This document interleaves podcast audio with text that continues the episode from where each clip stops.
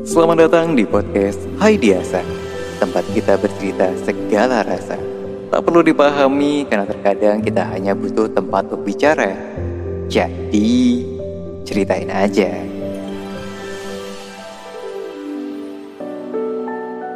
Halo.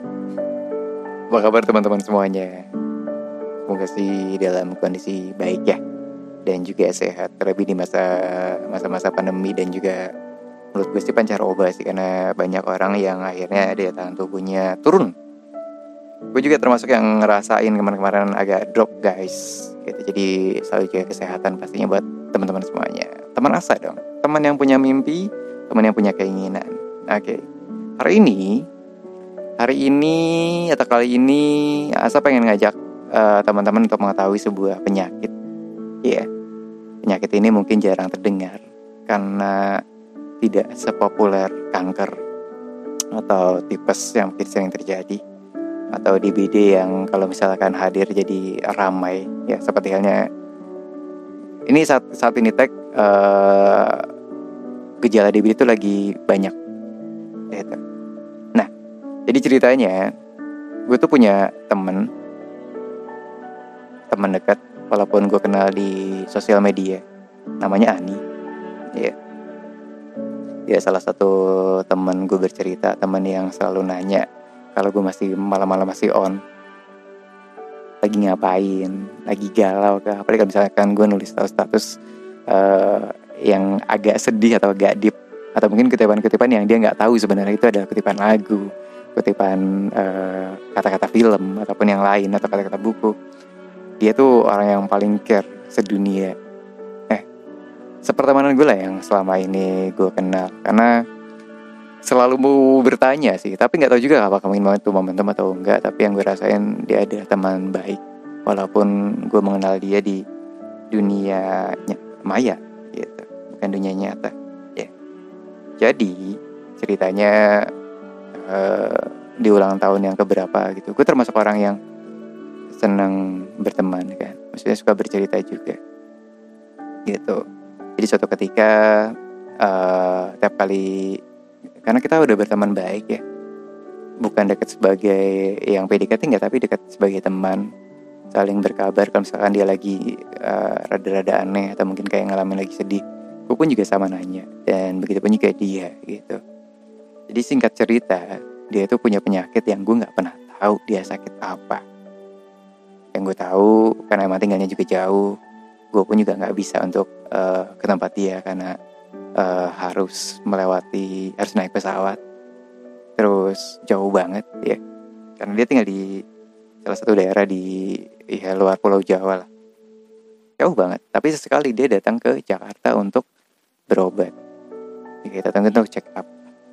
Walaupun dia bilang katanya sih urusan kerjaan karena kebetulan dia kerja di salah satu uh, rumah sakit di daerahnya ya walaupun masih baru lah ya. Gitu. Jadi temen gue tuh punya si uh, ceritanya gini. Gue nggak nggak jadi temen gue tuh uh, saat itu ulang tahun nih. Gue termasuk kita tuh rajin tuh kalau misalkan uh, ulang tahun tuh kita tuh saling ngucapin dan pasti balas jadi satu ketika uh, gue ngucapin ulang tahun tuh kok nggak dibalas-balas ya? Terus emang sebelumnya juga uh, kita tuh ngobrol. Jadi saat itu tuh dia dia adalah orang yang wah gue sedih nih. Jadi dia tuh sempat jadi orang yang takut mati gitu. Karena memang kondisinya sudah sangat parah banget. Serem lah intinya. Cerita dia sih.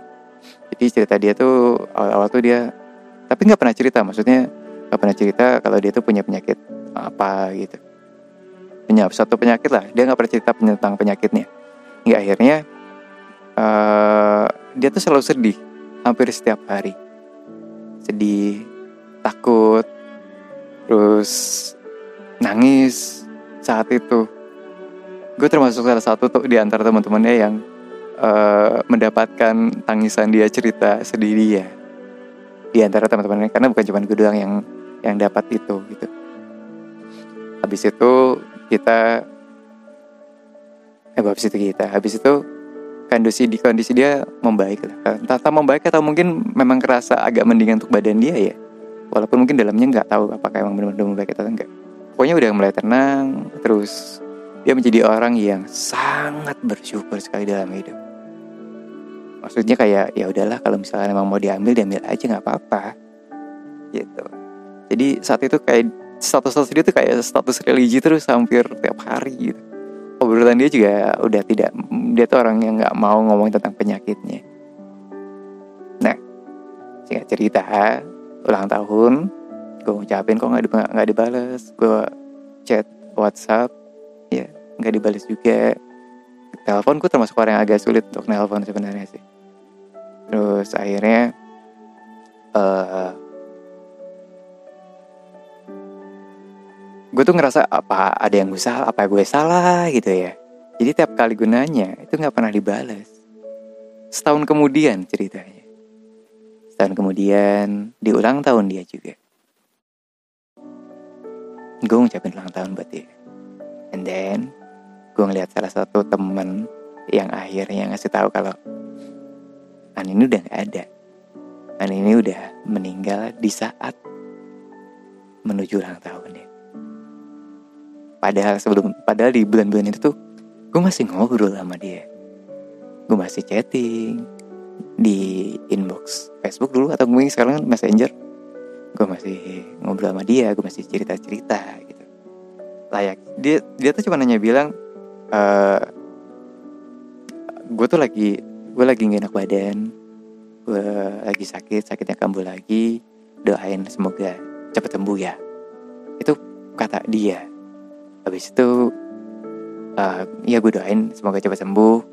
Dan kita ngobrol biasa gitu. Ngobrol cerita cerita tentang kisah kisah masing-masing tentang hari-hari.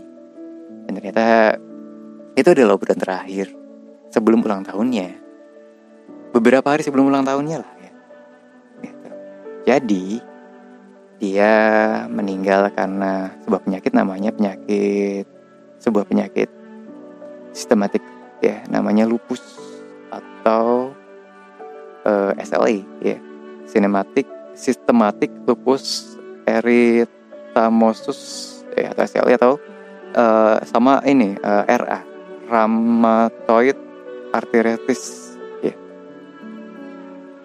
Jadi SLE dan RA atau mungkin penyakit lupus. Bahkan ternyata ada hari lupus sedunia yang gue tahu akhirnya gitu itu pun gue juga tahu baru beberapa belakangan ini. Jadi ternyata emang sebesar ini loh penyakit lupus. Dan emang gue udah udah tahu tapi yang gue pikir dunia tuh nggak tahu maksudnya orang-orang tuh nggak tahu ternyata bahkan ada harinya kayak hari kanker guys. Kan ada hari kanker sedunia ya ini ada hari lupus sedunia. Nah kita kenalan nih. Asa pengen ngenalin teman-teman tentang penyakit uh, eh, SLE atau penyakit lupus jadi penyakit radang disebabkan ketika sistem kekebalan tubuhnya menyerang jaringannya sendiri. Atau mungkin istilah sekarang autoimun. Lagi ramai kan kita ngomongin autoimun di sini. Jadi gue sempat akhirnya nyari-nyari lah apa itu lupus, apa itu SLE, apa itu LRA karena dua penyakit ini yang menyebabkan teman terbaik gue, teman curhat gue, teman bercerita gue itu pergi. Dan gue udah gak punya teman lagi untuk bercerita untuk gue percaya untuk mendengar cerita-cerita yang gue rasain. Nah lupus atau sel ini ternyata dapat mempengaruhi sendi kulit ginjal sel darah bahkan ke otak ke jantung dan paru-paru.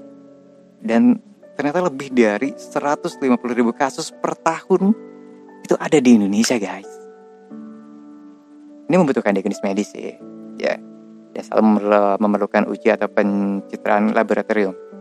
Nah, untuk kronisnya ini dapat bertahan selama bertahun-tahun atau seumur hidup penyakitnya. Jadi bisa nggak lepas.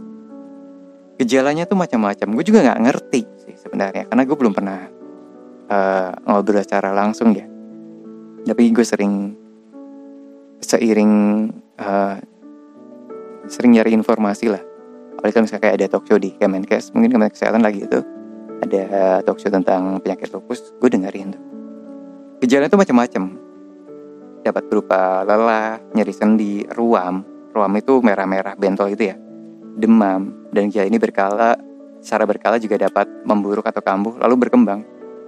Nah orang kayak mungkin ngalamin kayak nyeri otot ya, kan gak kerasa ya, atau nyeri tajam di dada, terus kayak anemia, demam, kelelahan atau malaise ya, terus kulit juga ruam bersisik atau ruam merah, rambut rontok, uh, kerontokan rambut lah di kepala, terus mulut kering atau ulkus bahasanya, ya, terus untuk ini juga air seni juga berdarah, Nah, fenomena Raynaud atau gangguan depresi mayor juga gelisah, terjadi pembengkakan, penurunan berat badan, retensi air, ruam pada wajah, sakit kepala, sendi tegang, atau sensitif terhadap cahaya. Jadi orang yang menderita penyakit lupus ini nggak bisa kena sinar matahari, guys. Ada yang pernah nonton filmnya nggak? Tentang, aduh, gue lupa namanya lagi tentang seorang yang nggak bisa keluar rumah, keluar ruangan deh. Bahkan untuk melihat sinar matahari. Sinar bulan pun juga nggak bisa deh. Kita kan kenal nih, apa sih yang menjadikan penyebab dan gejala penyakit lupus? Jadi penyakit lupus ini sampai saat ini guys, belum diketahui secara pasti. Ini kombinasi dari faktor genetik dan juga lingkungan sering dikaitkan dengan terjadinya lupus. Beberapa pemicu munculnya gejala lupus adalah paparan sinar matahari, penyakit infeksi, atau obat-obatan tertentu. Lupus dapat menyebabkan peradangan di berbagai organ uh, dan bagian tubuh. Hal ini juga menyebabkan gejala lupus bisa berbeda pada tiap orang. Meski begitu, terdapat sejumlah gejala umum yang bisa terjadi, kayak nyeri, kaku pada sendi, lelah, ruam kulit, sensitif terhadap sinar matahari, dan terjadinya penurunan berat badan. Lalu apa sebenarnya obat dan pencegahan lupus? Gue sampai berpikir emang nggak ada obatnya apa? Ternyata sampai saat ini lupus itu tidak dapat disembuhkan, guys. Pengobatan yang ada hanya sebatas untuk meredakan keluhan. Kayak anti nyeri, kayak penahan rasa sakit, penghalang rasa sakit aja, dan mencegah munculnya gejala dan menghambat perkembangan penyakit.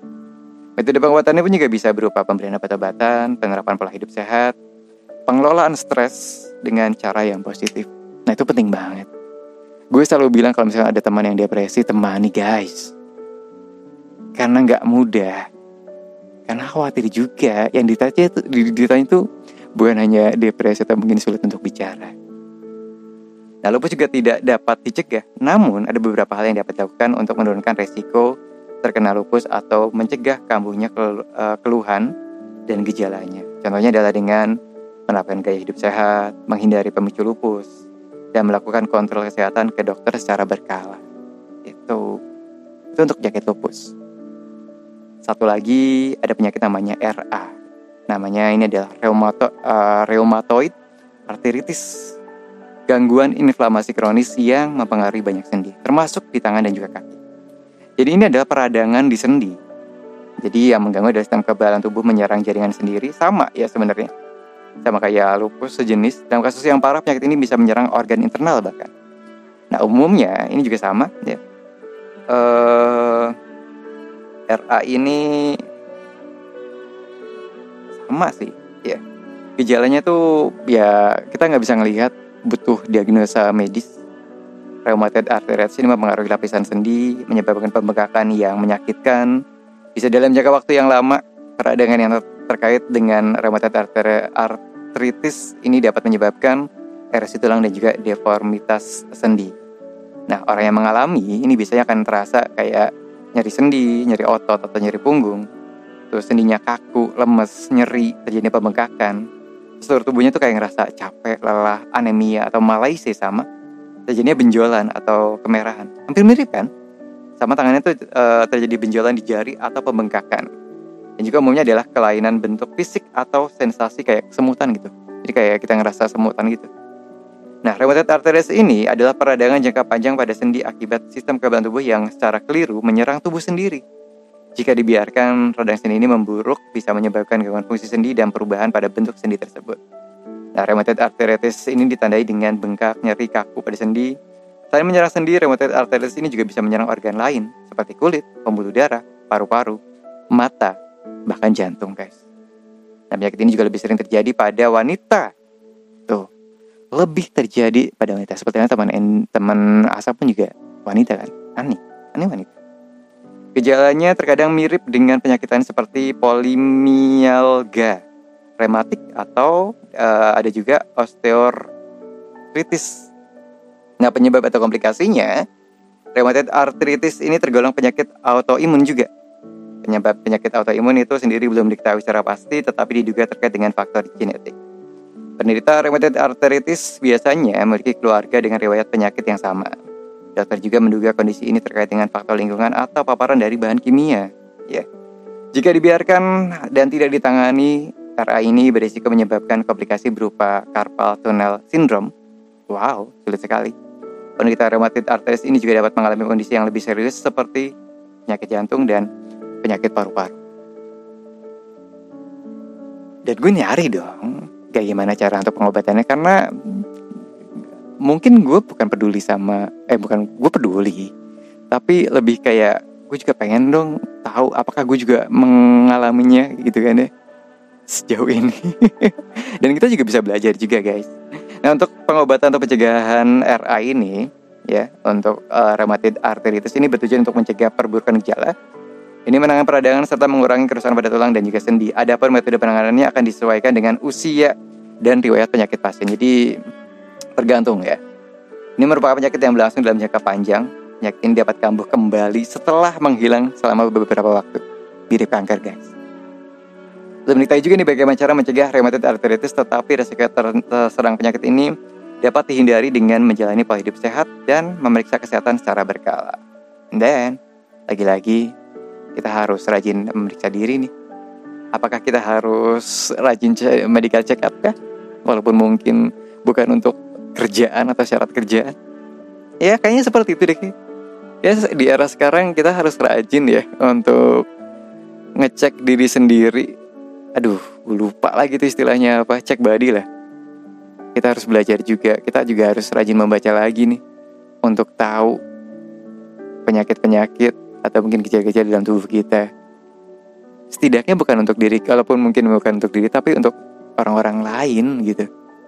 Ya. yeah walaupun mungkin gue nggak tahu apakah orang tuanya punya riwayat atau enggak tapi yang gue tahu sih Ani itu adalah orang yang ceria. Teman gue tuh orang yang selalu ma manja sih. Dia tuh anak yang manja guys. Sama terlebih buat ke orang-orang yang lebih tua dari dia ya manja banget. Gak akhirnya kita tuh kayak kehilangan banget sosok dia.